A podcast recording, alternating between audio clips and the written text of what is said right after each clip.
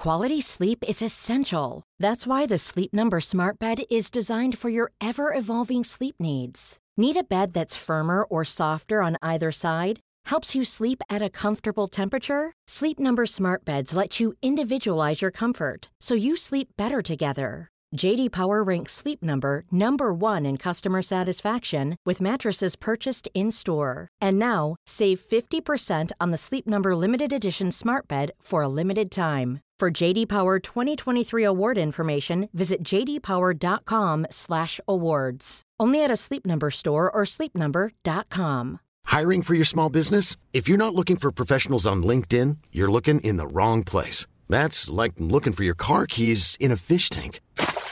LinkedIn helps you hire professionals you can't find anywhere else, even those who aren't actively searching for a new job but might be open to the perfect role. In a given month, over 70% of LinkedIn users don't even visit other leading job sites. So start looking in the right place. With LinkedIn, you can hire professionals like a professional. Post your free job on linkedin.com/people slash people today.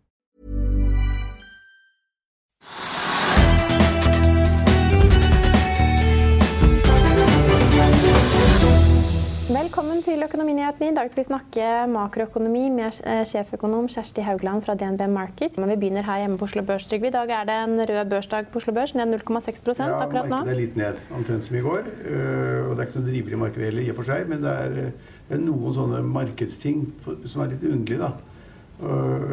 Vi ser at av de mest omsatte aksjene, av de 20 mest omsatte, aksjene, så er det bare to som er opp, og resten er ned. Og det, det da som man umiddelbart kanskje ikke forstår, det er at oppdrettsnæringen er fire-fem aksjer er ned. Enda lakseprisen er, ligger på 63 eller 64 kroner per kilo, og det er bra. Men det ser ut som da den der høyden før jul, hvor liksom alle som skal ha laks og gjøre et eller annet med den, de er ferdige før jul nå. Så, så da, da har jeg mistet uh, Nei, kanskje vi har fått et ombytte. mistet lyden. Ja. Så da de som har kjøpt laks, har fått nok. De har fått nok, og så faller aksjene likevel, selv om da prisen er opp. Og normalt er det en ganske god korrelasjon mellom da prisen på laks og aksjekursene i den sektoren. Nå har jeg den her, og nå snakker jeg veldig fint. Ja. Jeg Bare sjekke at det er riktig. Ja, ja, ja. Så, så setter jeg på plass det. Ja. Så det er litt rart, da, at, eh, for å si det sånn litt kort, det er at da Oppdrettsnæringen er den sektoren som virkelig tjener penger hele tiden. Hvor det er liten usikkerhet, og alle regner med at de tjener enda mer. Og de har marginer på 40-50% Det er mye. Eh, Så faller det litt i dag. Alle selskapene, ikke ett, men alle, fordi selv om da lakseprisen stiger. Så det, det er verdt å merke seg. At det Det kan jo være at man har også en antakelse om at forward-prisene for neste uke er litt ned. Ja, ja, klart det ligger implisitt i det, men, eh, men det, det kunne man se hvis man skal se på kurslisten se liksom, er det noe å se på, så er det en ting man kunne da legge merke til. Men Yara Norwegian, siden du nevner de 25 mest omsatte, 20 mest omsatte, de stiger jo litt i dag. Ja, Norwegian stiger 1-1,5 prosent eller noe sånt, og det er fordi at det er litt mer optimisme da i liksom se fremover. De har fått mer kapital, kapital på plass. De har solgt en eierandel i bank. De har, eh, sier de skal kutte ned ruter for å øke inntjeningen og bli flinkere. Kutter ut virksomheten i Argentina som nesten ikke hadde kommet i gang osv. Flytter folkene fra Argentina til London. Så de gjør masse ting for at selskapet skal bli lønnsomt. og det er noen som sier at dette kommer de til å få til. De har nok penger, de trenger ikke flere emisjoner i, i nærmeste fremtid.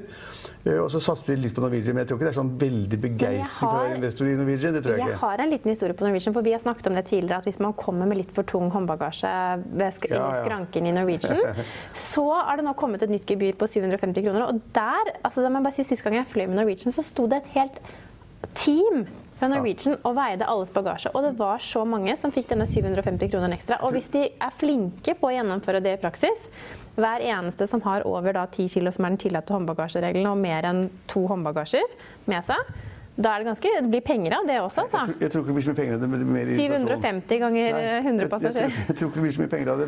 Eh, Folk er stort sett klar over det. Og så dessuten så har de endret reglene allerede etter kritikken de fikk. Ja, dette her det- skjedde jo da etter kritikken de fikk. Da, Jo, jo, men, Ja. men de har endret det for Det er ikke mange ukene siden hvor de da tok da dette gebyret, som du sier, og veide bagasjen. Og så hvis du da hadde en vannflaske i hånden, så var den med. ikke sant? Og hvis du hadde en tung bok eh, Noen har en bok eller eh, med seg som er en kilo eller halvannen. Og det var ganske unødvendig. Så det, det tok, altså, gikk de, de, de de, tilbake på og tok bort de der liksom, Nå fikk du lov å liksom ta, ta med flasken din, liksom, uten at den veide noe. og du kom over i 10,1 kilo, så fikk du da 750 kroner i bot. sånn. Men, men det, er, det, er, bare tull. Det er mer ergrelse. Det er ikke mye penger i det.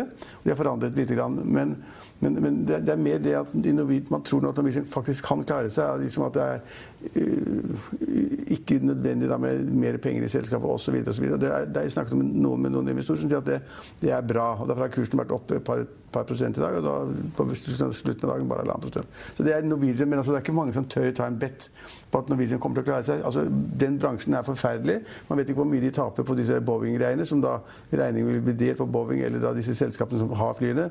Hvor mye de må ta da av ansvaret og de økonomiske tapene som har kommet, det vet vi ikke noen ting om. Og Boeing kommer helt sikkert til å være ganske flinke med å velte dette over på flyselskapene. De, vet, de tar ikke hele greia det, og flybransjen der er konkurser hele tiden. Marginene er kjempesmå. Og du reiser frem og tilbake til London for 500 kroner eller Malaga for 300 kroner, og du reiser frem og tilbake til New York for 3000 kroner osv. Lave priser, tøff konkurranse, dårlige marginer. Ja, det, det, er ikke mange store som går i Norwegian. Så det er sagt om det, men jeg har lyst til å si en annen ting. Det er det vi snakket om i fjor, én, som heter landets største fergeselskaper. Og hvor da hovedaksjonæren, altså uh, Sævik-familien, uh, som da er innen shipping, er i verftsindustrien og som er i supply-virksomheter osv., hvor de har tapt masse penger, hvor de har tapt masse penger på verftsvirksomheten sin, de har vært, har vært største aksjonær i Fjord 1, som er et selskap som har masse statlige kontrakter og tjener ganske bra, faktisk. De kuppet det i går kveld. Kuppet det i fjor ved da kjøpes opp i selskapet. De kom og kjøpt, kjøpte seg opp sammen med en amerikansk partner til 70% av Fjord 1. Og det, det kan de gjerne gjøre. Det er et uh, fritt marked, og de kan kjøpe aksjer selvfølgelig og betale den, pris, den prisen de vil. Men plutselig så var det liksom fjor 1 som var nesten Sævik-familiens liksom, egen baby. Det ble helt egen baby. Og styremedlemmet Fredrik Moen, uh, som, var en av de største privataksjonærene, han trakk seg fra styret i går med øyeblikkelig virkning. Sannsynligvis fordi han mente at den beslutningen Ingen visste noe som helst. Plutselig så kjøpte da kjøpte Sævik-familien opp masse aksjer i selskapet. og og, eh, og, så kom det da rykter og meldinger om, som vi, som vi så vidt kommenterte i går, at eh, det var snakk om å fusjonere inn i fjor, som er lønnsomt, denne nye Havila kystruten, som ikke har noen ting annet enn to skip som de har betalt for i, i Spania. Som, og de, de, to kontraktene på de skipene har verftet kansellert, slik at de 400 millioner kronene de har betalt inn, kanskje forsvinner i et eller annet konkursbo. Så det er ikke fem øre pluss i dette Havila kystruten. Og det skulle fusjoneres inn i fjor 1, da, kanskje. Det likte ikke markedet i det hele tatt. Og i dag så er det altså fjor litt ned. Ikke så mye, men kanskje 4-5 Vi snakket jo også om Rex Silicon i går etter at uh, Røkke plukket opp uh, Jens Ultvedt Moe sine aksjer. Nå blir det sagt at det ikke var noe tvangssalg, men aksjene har jo steget betydelig etter at Røkke kom inn. Ja, men det er liksom hvordan du definerer tvangssalg. Jeg tror det at han, eh, det vet jeg ikke nok om, men jeg tror at han trenger penger, at bankene sitter på han, og at han hadde da, det stod at det var nærmere en milliard kroner eller tre som skulle forfalle banker i år. Så han har ikke bra. Det vet vi han taper penger på restaurantvirksomheten også. Taper masse penger i Sør-Amerika på som biodiesel og greier. Så han har ikke bra. Men, men jeg syns ikke markedet har fått med seg det som var poenget. Altså, jeg har sett alle kommentatorene i dag, og jeg tror vi, for å si det selv, vi var de eneste som da tror jeg var kanskje nære kjernen. Nemlig at uh, alle trodde at Røkke nå plutselig skulle inn i solenergi og alternativ energi. Og kjøpte seg da opp ved å kjøpe opp 20 av REC Silikon, hvilket er bare tull å tro. Altså det er for det første en bitte liten stake. Det var 85 millioner, 85 millioner kroner for de aksjene. Og for det andre så er det på, helt på siden av det Røkke vil og kan gjøre. Så sannsynligvis Jeg hadde løsningen, trodde jeg i går. Og det var det at han kjøpte den posten, som de fikk da ganske billig, i et Rex-silikon som da har tapt mange milliarder kroner. Et, et, et, et enkelt år for et par år siden så tapte de to milliarder. Så de har et kjempefremførbart underskudd. Og det er positivt fordi ja, Hvis du da har annen virksomhet og driver virksomheten, så kan du da ta det overskuddet i den nye virksomheten den andre virksomheten og saldere mot da det fremførbare underskuddet. Det er det mange som gjør. Men det er litt sånn tricky sånn skatterettslig og sånn. Men de, de, jeg tror at jeg fant, det der var kjempesmart. Vi bare kjøper den filleposten der. Uh, og så har vi da et selskap som ligger der klar, og som et kjempefremførbart underskudd. Tror jeg. Men det er ingen andre som har skrevet det, så da tyder vi kanskje på at man tar feil. Alle de andre skriver, skriver at Røkke er nærmest geni som kjøper seg inn i solenergi, men altså I don't believe it. Nei. Nei. Tiden vil vise hva som skjer, men eh, at det er mange som spekulerer i fremførbare underskudd og ser sitt snitt ja, det... i å benytte de sjansene som ligger der. Ja, men Det innrømmer man aldri. Og, man kan heller ikke gjøre transaksjoner. I norsk skatterett så kan man ikke gjøre transaksjoner som er gjort av ene og alene av skattehensyn. Altså Hvis transaksjoner eller kjøp eller hva det måtte være, er av skattehensyn, så blir det gjennomskjæring, som det heter. Så, så, så, det blir spennende å se. Det blir spennende å se. Ja, men det som også blir spennende å se, for da skal vi over til dagens gjest. Velkommen til deg, sjeføkonom Kjersti Haugland fra DNB Markets. I morgen er, går britene til valgurnene for å stemme over brexit. Ja. Egentlig så skal det jo stemme over hvem som skal styre landet. Eh, Fordi det har jo vært parlamentarisk kaos der i, i ganske lang tid. Og nå skal Boris Johnson da se om han får folkets tillit til å faktisk lede landet ut av EU den 31. januar.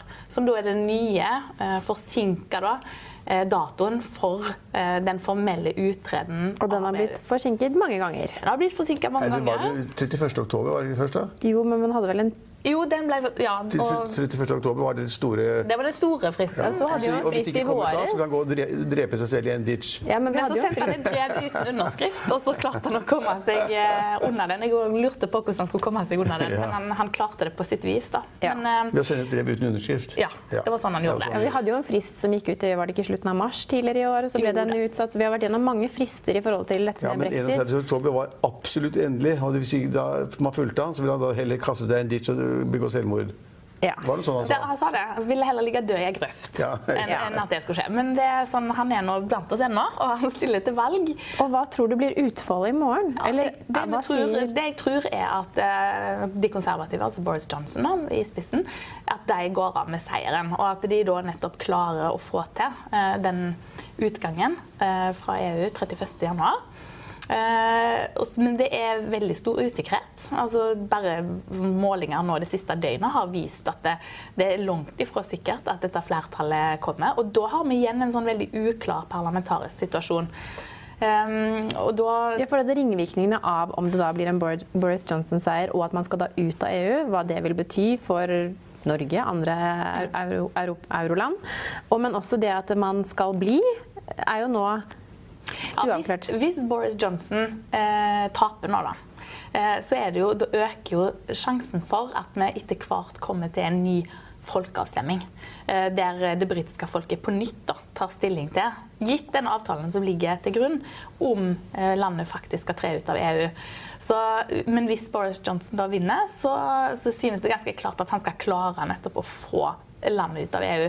Men samtidig så er det sånn at selv om dette skjer, så er det masse usikkerhet som gjenstår. fordi eh, nå kom det jo til en enighet om bl.a. det vanskeligere spørsmålet knytta til Nord-Irland og Irland og EUs indre marked. Eh, men den er midlertidig, så vi skal ha på plass en handelsavtale da, eh, innen et år etter denne datoen her. Det blir veldig veldig krevende. Så det er ikke sånn at hvis da Boris Johnson vinner, og vi får eh, Storbritannia ut av EU på en såkalt ordna måte, da, som ikke skal skape de store turbulensen eh, i, i handelen. Um, eh, den 31. januar, så kommer det til å forbli massevis av usikkerhet om hvor, eh, hvor, hvordan framtida kommer til å se ut. Da, og om de faktisk kommer i mål med en avtale med EU på handelssida. Ja. Og da når vi først er i, innom handel, så er det kanskje naturlig å bevege seg videre til den andre handelsproblematikken man ser der ute, Donald Trump og Kina. For nå, denne helgen som kommer, så kan USA altså da innføre ytterligere straffetoll mot Kina. Ja. Eh, og da er vi ikke i nærheten av en eh, slutning på en miniavtale med det første, vil jeg tro. Altså, Kina har iallfall hardnakka sagt, altså kinesiske myndigheter har hardnakka stått på det, at eh, hvis det skal undertegnes en fase 1-avtale, som jo har ligget i kortet nå en stund, eh, så kan ikke de gå med på at eh, disse handelsbarrierene, tollbarrierene, blir bygd opp ytterligere. Tvert imot, de krever at eh, disse barrierene skal bygges ned for en lovnad om at det skal skje, om de skal undertegne en fase 1-avtale. Så det er fortsatt høyst usikkert om denne fase 1-avtalen, som vi vil da betegne som en slags sånn våpenhvileavtale, heller enn en sånn starten på en, eh, En fullverdig ja. løsning. Det, det tror vi blir veldig veldig vanskelig å få til. Det er vi veldig pessimistiske i forhold til. Så, men um, Det blir vanskelig. det blir vanskelig. Men, tror men så har Trump klart det som da man ikke trodde. Han har klart å lage et nytt handelssystem mellom Mexico og Canada og erstatte NAFTA-avtalen. Det får han masse ros for nå. Ja, altså det, det, er jo ting som skjer. Men han får jo da fokus også over på andre ting. Det er jo greit å få fokus skiftet fra Kina-problematikken over på noe annet positivt i disse dager. Ja, de, har, de, har, jo forhandlet et år eller hva det måtte være, og det, ja. det er blitt en ny avtale. Jeg kan ikke det i detalj, men det, alle, hvis man ser på de amerikanske nyhetssendingene, finanssendingene, så sier de at dette er bra. Ja. Positivt for bilindustrien og positivt for arbeidsplasser. Ja, men Det er bra at han har fått til en avtale i det hele tatt. Han skal være verdensmester i egne øyne i, i, å forhandle. Men er det ikke også snakk om at det ikke er så store, veldig store endringer på avtalen som allerede var, og den nye som nå kommer? Jeg, tror, ingen, ingen er også eksperter på det, men jeg, jeg, hvis man ser på de amerikanske mediene, så sier alle at dette er bra. Ja, Det er ikke noe særlig kritikk å spore på akkurat den delen av Nei. Trumps handelspolitikk. Så det er jo det knyttet til altså, Jeg syns òg det er veldig viktig å få fram det at denne disputten, eller handelskrigen, da, som jeg har begynt å kalle det, eh, mellom USA og Kina, den er på ingen måte sånn one man-show fra Trumps side. Det er bredt politisk konsensus omkring at Kina skal tas hardt. Ja. Og, og, faktisk så har det vært i perioder der Trump har mildnet tonen, tonen litt, så får han angrep eh, fra kongressrepresentanter egentlig på begge sider av partispektrumet, men da særlig for demokratene. Så det er ingen som må forvente seg det at hvis eh, president Trump ikke blir gjenvalgt eh, om et års tid, og en demokrat blir gjenvalgt, at, uh, at det liksom blir en rask løsning og en nedbygging av handelsbarrierene mot Kina. Fordi dette er, altså Irritasjonen har bygd seg opp over lang tid over Kinas handelspraksis. Det handler om veldig mye mer enn et handelsunderskudd. Det handler om Kinas kraftige subsidiering av egen eh, industri. Og teknologi. Og teknologi, og ufine metoder for å nettopp tilegne seg teknologi. Styring av valutakursen. Styring av valutakursen har vært en del av det. Så um I'm Sandra, and I'm just the professional your small business was looking for. But you didn't hire me because you didn't use LinkedIn jobs. LinkedIn has professionals you can't find anywhere else, including those who aren't actively looking for a new job but might be open to the perfect role, like me. In a given month, over 70% of LinkedIn users don't visit other leading job sites. So if you're not looking on LinkedIn, you'll miss out on great candidates like Sandra. Start hiring professionals like a professional. Post your free job on linkedin.com/people today. I'll see you in court. Vi sier det ofte litt på spøk, men for deg som driver business, er det aldri moro å innse at du ikke har laget en 100 gyldig kontrakt. Du bør ikke risikere hele firmaet ditt fordi du synes dette med kontrakter er litt stress. En avtale er ikke en avtale. Du kan miste kunder, miste venner, ja, til og med miste inntekter om du ikke lager en skikkelig kontrakt, på alt mulig, egentlig. Men vi vet det er et styr, kopimaskiner, tregprinter og haugevis av papir. Dessuten stoler vi jo på folk her i landet.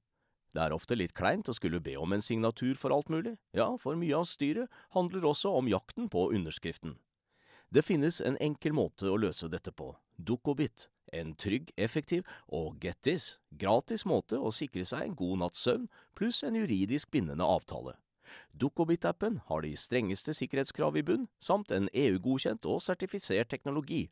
Framover vil det bli behagelig å spørre du, skal vi skrive under på det, eller? Kom i gang på dokobit.no. Dette her er, dette er det brei eh, enighet om eh, på tvers av det partipolitiske. Men, men, det er jo masse usikkerhet også. for Han truet også med eh, særskatt eller toll på import av champagne fra Frankrike eller, eller væsker eller hva det måtte være.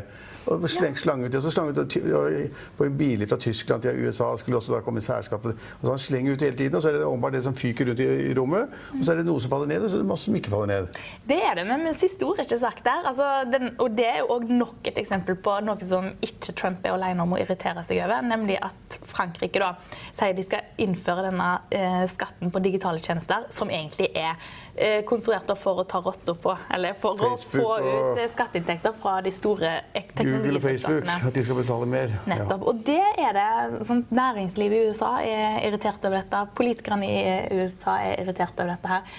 Um, og dette er da straffereaksjonen som han da truer med. at um, eller, eller, som han har sagt at den skal komme, med, med toll på franske varer. Og det har òg blitt innført eh, tolsa, økte tollsatser pga. Um, en sånn disputt når det gjelder fly, de store flygigantene. Uh, at det, at det da har vært uforholdsmessig store subsidier. Da. De har blitt dømt, Europa da, eh, har blitt dømt for å subsidiere flyselskapet sitt. Og og, men når vi snakker om det sånn som vi gjør nå, så høres jo ikke ut som at dette kommer til å ta, at, ta slutt med det første. Nei, og det er jo vår konklusjon. Vi tror ikke at 2020 blir året der tollsatsene blir bygd ned, eh, der ting løser seg. Eh, konflikten mellom USA og Kina er altfor fastlåst, altfor dyptpløyende til at vi ser egentlig utsikter til en løsning. Det eneste vi kan håpe på, eh, er en våpenhvile. da. Kanskje til presidentvalget er overstått, sånn at Trump har sikra den økonomiske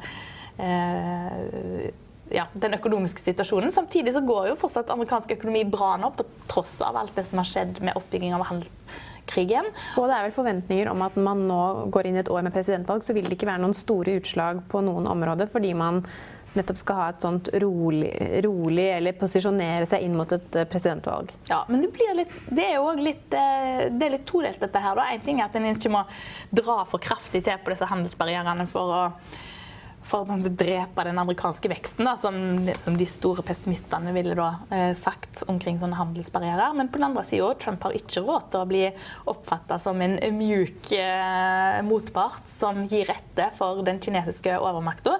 Så um, hvis han går for langt i den retning, så kan han bli straffa for det.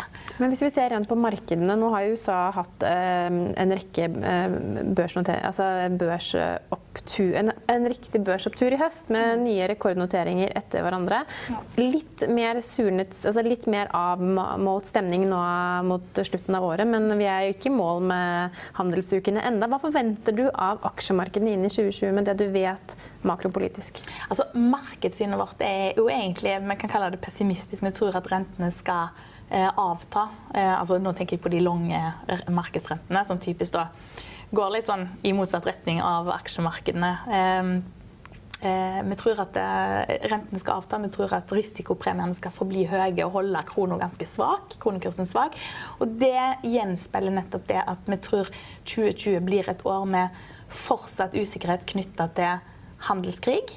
Eh, og ikke minst så tror vi at ja, markedene nå, da, akkurat nå de siste månedene, har vært for positive til nettopp hva denne her fase 1-forhandlinga eh, mellom USA og Kina egentlig kom til å føre til. Eh, og nå ser vi nettopp at denne tilliten til denne fase 1-avtalen begynner å rokkes ved, og da reagerer markedene. Og vi tror vi kommer til å se mer en sånn type utvikling i 2020, da, jevnt over. Og på likt med at vi òg tror at veksten, den økonomiske veksten neste år blir svakere enn i år. Ikke noe kollaps. Vi tror ikke på noe resesjon i USA, og heller ikke i eurosonen. Ja, for det hører man nesten ingen snakke om lenger, selv om det var det mest populære ordet ved inngangen av året. Resesjon, ja, det, ja, det, var, det var noen økonomer som ikke helt hadde fått med seg hva foregår. Ja, Tyskland er kanskje nedpå det, men det var, hadde ikke resesjon i noe, noe kvartal. Altså det var jo, ja, okay. Men du var jo så vidt inne på renten. Altså, har ikke Fed møte i dag? I morgen. I morgen. Ja, eller de har det i dag, egentlig. Ja, ok, så de har møte, og Nå skal de bestemme renteutviklingen fremover. og det er Noen ja. som sier at Hvis de senker renten en gang til, så blir det enda gøyere i aksjemarkedet. For alternativene er helt håpløse. Men, men, så tror da de fleste, inkludert undertegnede, at de da ikke senker renten. Ja, Hva tror dere? Ja, Vi tror at de kommer til å senke eh, renta via I morgen? Ikke, ikke, i dag. Jeg beklager. Nei, det er i dag. Det er i dag. Ja, men ikke, eh, ikke i dag. Eh, fordi at eh, dette, dette, har de vært veldig tydelige på. Det er ikke tid for å Trump har sagt at de skal gjøre det, de må gjøre det. Hvis ikke ja. så sparker de Fed-sjefen. Ja, og heldigvis så er det ikke Trump som faktisk dikterer det. Han har jo alt å vinne på å være litt tøff i, i språket. Sant? Fordi ja. Hvis det nå skulle være sånn at uh, De hadde satt ned renten? Ja, eller sånn at økonomisk veksten faktisk svikter, så er det jo greit å ha en syndebukk. Så sier han det at det er en syndebukk, ja. Det var jo dette jeg sa. sant? Så, så, jeg kan for så vidt forstå at Trump da liksom er ganske tøff i ordbruken, selv om det er veldig uvanlig. men kan, vi kan se det logiske bak det. da. Men det er jo ganske umodent å si at hvis ikke jeg får det som jeg vil som president, så, så sparker sentralbanksjefen. Det er, det er klart, umodent. Det er ganske umodent og spesielt. og ja, Det er veldig mange adjektiver man kunne brukt. Men, men iallfall så, så er det en diskusjon om det kommer til å skje nå eller ikke, og jeg tror ikke ja. det kommer til å skje i morgen. Nei, ikke, ikke i dag. Uh, ikke I dag, mener jeg. Ja. Du lurte meg Jeg beklager det, altså, at jeg skapte ja. Ikke i dag, det er det ingen som tror på. Uh, for det har de vært veldig tydelige at vi er liksom ferdige for denne omgangen. Men selvfølgelig, altså hvis dataene eh, svekker seg, eh, og sånn som vi da tror eh, at de kommer til å gjøre vi har et mer pessimistisk syn på veksten i amerikansk økonomi enn det virker som om Fed-komiteen har da, neste år, så tror vi at det kommer et kutt her. Men det går jo ganske bra. da. Altså, folk liker ikke å si at det går, det går ganske bra. Ledigheten er lavest på 50 år.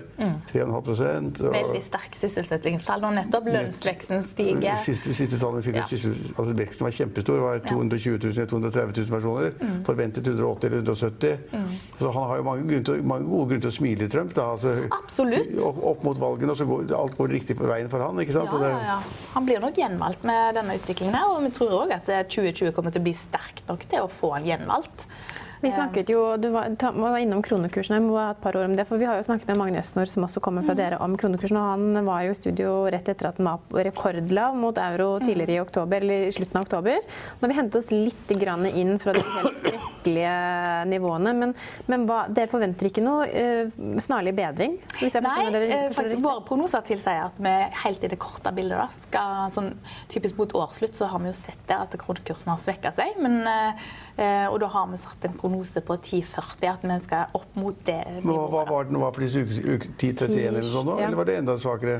Eh, på 10,31 mot euro, tror jeg var Sist jeg husker sånn, det var liksom Det vil i så fall være en ny rekord. Det var 10,31, da, men så gikk den enda svakere enn det? 10,40? Ja, eller ja, vi anslår det. Ja. Altså, men, men altså, punktprognoser er jo altså, Det må jo tas med. Ja, med, det vi mener, er at det er potensial for en ytterligere svekkelse. svekkelse ligger eh, og så tenker vi mer at 2020, utover 2020 så vil jo nok altså kronekursen nok hente seg litt inn. Eh, men det er der samfunnsøkonomien har bomma nå de siste to-tre årene. da. De skulle hele tiden hente seg litt inn. Det er klart, men, men vi har en altså på tolv måneders sikt, da. Det er det sterkeste punktet på en måte for krona i vår prognose, i vår ettårsprognose. Og da har vi en euro-norsk på ti. Ja, ok. Så, det, er, det, er ikke 960, det er ikke 950 eller 940? Nei. nei så, det, så jeg vil si at Synet vårt er at kronekursen kommer til å holde, holde seg svak. I... Og, og, det kan kanskje stemme også da, litt med det at man har fått da, flere makrotall fra Norges Bank og greiene andre. Alle tallene som kommer nå, er jo litt sånn tegn til at det blir litt, norsk økonomi blir litt svakere. Ikke ja. mye svakere. Litt, litt, litt svakere. Ja. Eh, det, det eh, jeg tror vi på. Men det er jo en av de spennende tingene nå. Om, eh, om ei ukes tid så skal jo Norges Bank i ilden ja. og, og, signalisere på nytt hva de tror om renteutviklingen framover. Um, og vi har jo fått nye tall denne uka her et bedriftsnettverk.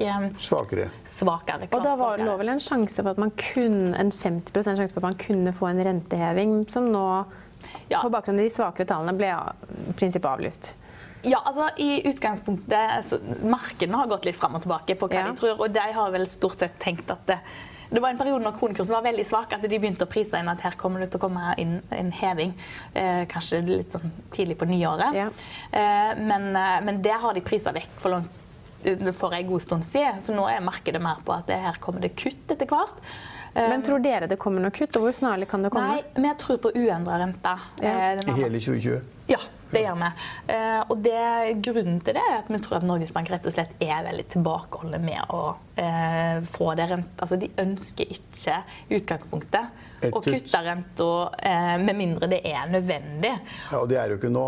Altså, den, det, det svake regionalt nettverket ja. som vi fikk i går, det, det, viste jo likevel bare at det, norsk økonomi nå ikke vokste like mye over trend som før. Altså, det er jo ikke sånn at vi nå ser at norsk økonomi um, faller eller, eller stagnerer. Det er jo fortsatt god vekst eh, i ja. økonomien. Og regner, regner man ikke med 3% i år, da? 3,1 eller 3 ja, altså, vekst? Det er jo veldig mye internasjonalt. Ja, altså sånn 2,5% ligger anslaget på. Ligger sånn cirka. Ja, ja, siste, ja, men generelt så ligger det på rundt 2,5. Men nettverket altså i seg selv, den, den, undersøkelsen har signalisert 3 ja, vekst. Mm. Det er en høy vekst da, i dagens samfunn. Men når du ser de faktiske tallene som kommer inn nå, for vi får en eh, månedlige tall for eh, bruttonasjonalproduktet, så ser vi det at eh, veksten har avtatt betydelig nå i høst. Mm. Eh, så, så, det er liten tvil om at dette omslaget har kommet.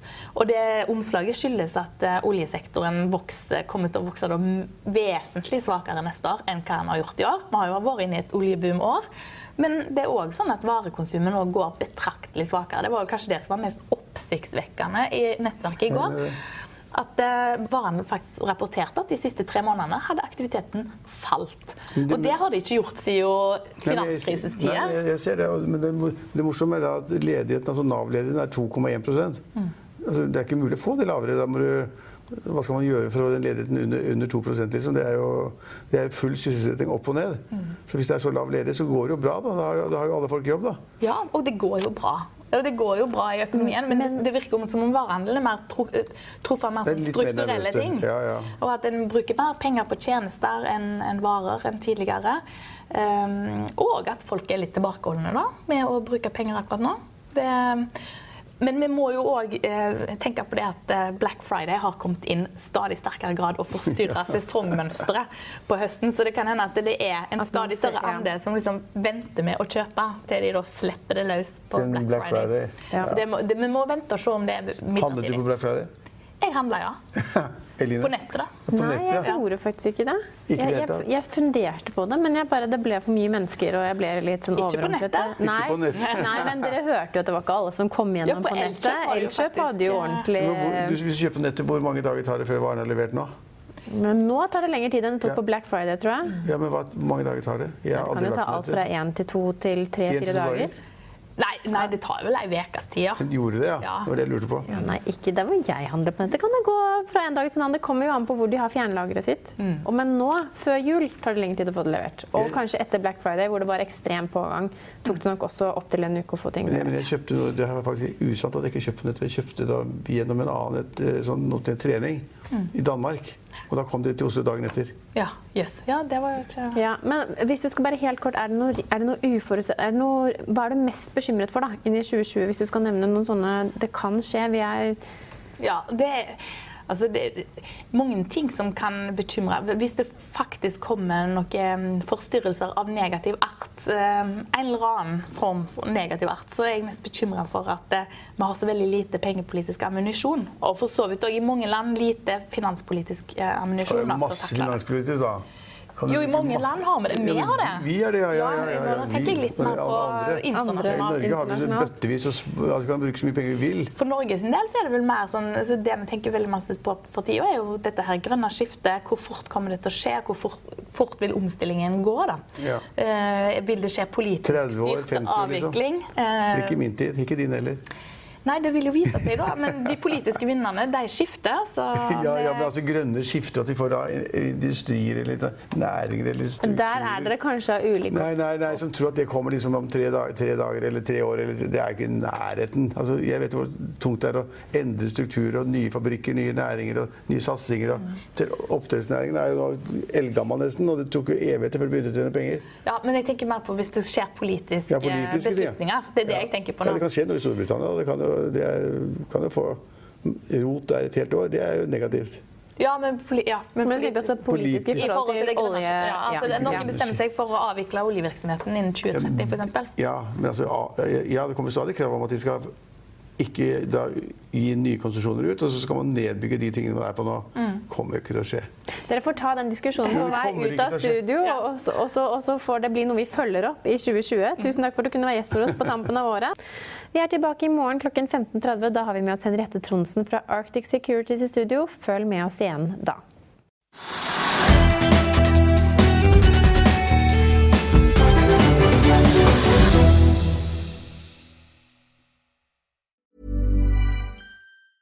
Hey, it's Danny Pellegrino from Everything Iconic. Ready to upgrade your style game without blowing your budget? Check out Quince. They've got all the good stuff shirts and polos, activewear, and fine leather goods, all at 50 to 80% less than other high end brands. And the best part? They're all about safe, ethical, and responsible manufacturing. Get that luxury vibe without the luxury price tag. Hit up quince.com slash upgrade for free shipping and 365 day returns on your next order. That's quince.com slash upgrade.